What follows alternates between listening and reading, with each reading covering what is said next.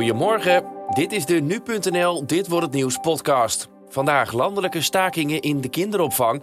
Het Europees Parlement debatteert over de anti-homo-wet die van kracht is in Hongarije. En het OMT komt vandaag met een spoedadvies... naar aanleiding van het snel stijgende aantal coronabesmettingen.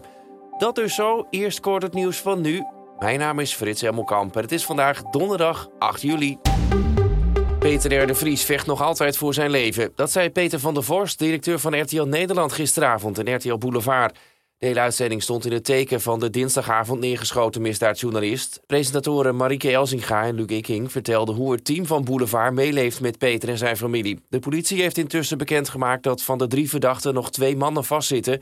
Zij worden morgen voorgeleid aan de rechtercommissaris. Over het motief van de dader is nog altijd niets bekend. Reddingswerkers in Miami zijn gestopt met zoeken naar overlevenden van de ingestorte flat. Het appartementencomplex stortte twee weken geleden in. Er zijn tot nu toe 54 lichamen gevonden en er worden nog altijd 86 mensen vermist. Alleen kort na de instorting zijn nog een aantal mensen levend onder het puin vandaan gehaald. In de haven van Dubai is gisteravond een container ontploft. Na de ontploffing is het schip waar de container op stond in brand gevlogen. Wat er in de container zat en waardoor die is ontploft is niet duidelijk. De ontploffing was in de wijde omgeving te horen en te voelen, maar voor zover bekend is er niemand gewond geraakt. De brand op het schip zou inmiddels onder controle zijn. De Amerikaanse overheid is voor een groot deel verantwoordelijk voor een dodelijke schietpartij in een kerk in Texas in 2017, zegt een Amerikaanse rechter. Bij de schietpartij kwamen 26 mensen om het leven en raakten 22 mensen gewond. Volgens de rechter had de schutter, Devin Patrick Kelly, nooit een vuurwapen mogen kopen. De voormalig militair heeft een verleden van huiselijk geweld en is in het verleden ook veroordeeld door de krijgsraad. Maar de overheid heeft die zaken nooit ingevoerd in een landelijk informatiesysteem. Het EK voetbal zit er voor Denemarken op. De ploeg werd gisteravond door Engeland met 2-1 uitgeschakeld. De Denen hadden de gunfactor gekregen nadat tijdens de wedstrijd tegen Finland Christian Eriksen een hartstilstand kreeg. Hij zakte tijdens de wedstrijd in elkaar en moest op het veld worden gereanimeerd. Na de winst van Engeland gisteravond gingen veel Britten de straat op om de overwinning te vieren. Komende zondag zal de finale worden gespeeld. Engeland moet het dan opnemen tegen Italië.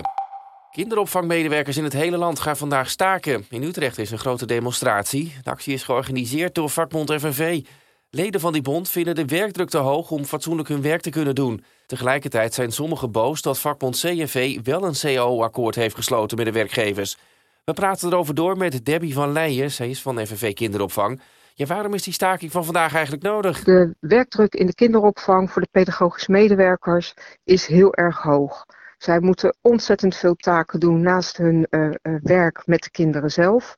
En uh, dat gaat ze opbreken. En wij zijn van mening dat er oplossingen zijn in de CAO die werkgevers gewoon kunnen regelen. Oké, maar wat voor oplossingen zijn hiervoor dan te verzinnen en hoe zit het dan met die werkdruk? De oplossingen die wij hebben, dat is in de CAO uh, jaaruren-systematiek eruit. Hè, dus dat je uh, per week een, een x-percentage, en dat is uh, vaak zo'n 20% van je uren minder of meer zou kunnen werken.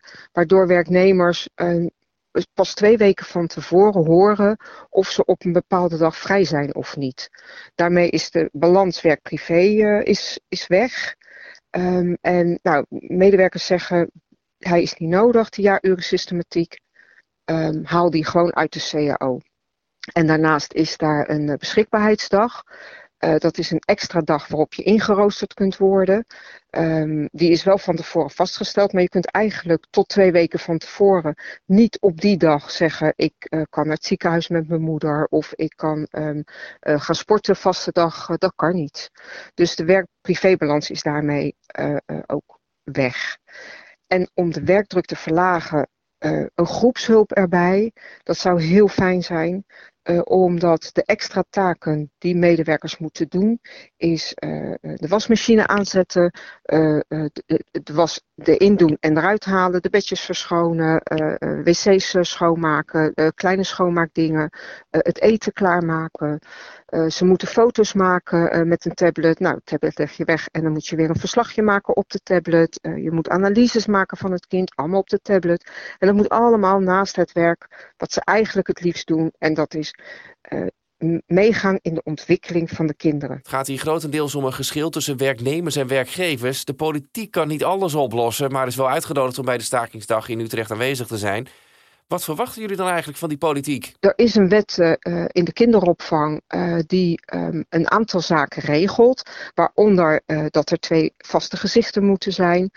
dat je maar drie uur per, of maximaal drie uur per dag alleen kan staan op de groep. Heel strak geregeld in de pauzes. Je moet op een bepaald moment met pauze en mag niet een paar minuten later.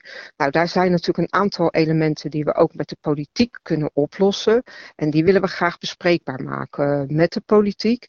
Daar hebben we ook altijd ook wel voor gestreden om dat te doen. Maar dat is niet de oplossing op de korte termijn. Want laten we eerlijk zijn, er is een demissionair kabinet. En als je iets met de politiek wil oplossen en in de wet wil aanpassen, ja, dat duurt gewoon een aantal jaar. En die tijd hebben de pedagogische medewerkers niet. En tot slot de ouders. De staking eh, gaat grote gevolgen voor hun hebben. Lag er wat jullie betreft niet een andere optie op tafel? Nee, wij zijn ook uh, van overtuigd dat, uh, uh, dat het ook in het belang van de ouders is. Omdat een goede kinderopvang valt en staat met uitgeruste pedagogische medewerkers. En daar hebben hun kinderen belang bij en op, op termijn ook de ouders. Dankjewel Debbie van Leijden. Zij is FNV-bestuurder in de kinderopvang. Het Europees Parlement dan, die stemt vandaag over een resolutie voor LHBTIQ-rechten in Hongarije. Vooraf wordt er nog gedebatteerd door het parlement over de mogelijke inbreuken op EU-wetgeving en de rechten van LHBTIQ-mensen in Hongarije in het algemeen. Het parlement vraagt zich onder andere af welke maatregelen genomen kunnen worden om deze rechten en die van kinderen te beschermen. Eerder lieten meerdere regeringsleiders zich al negatief uit over de houding van Hongarije rondom de omstreden anti-homo-wet.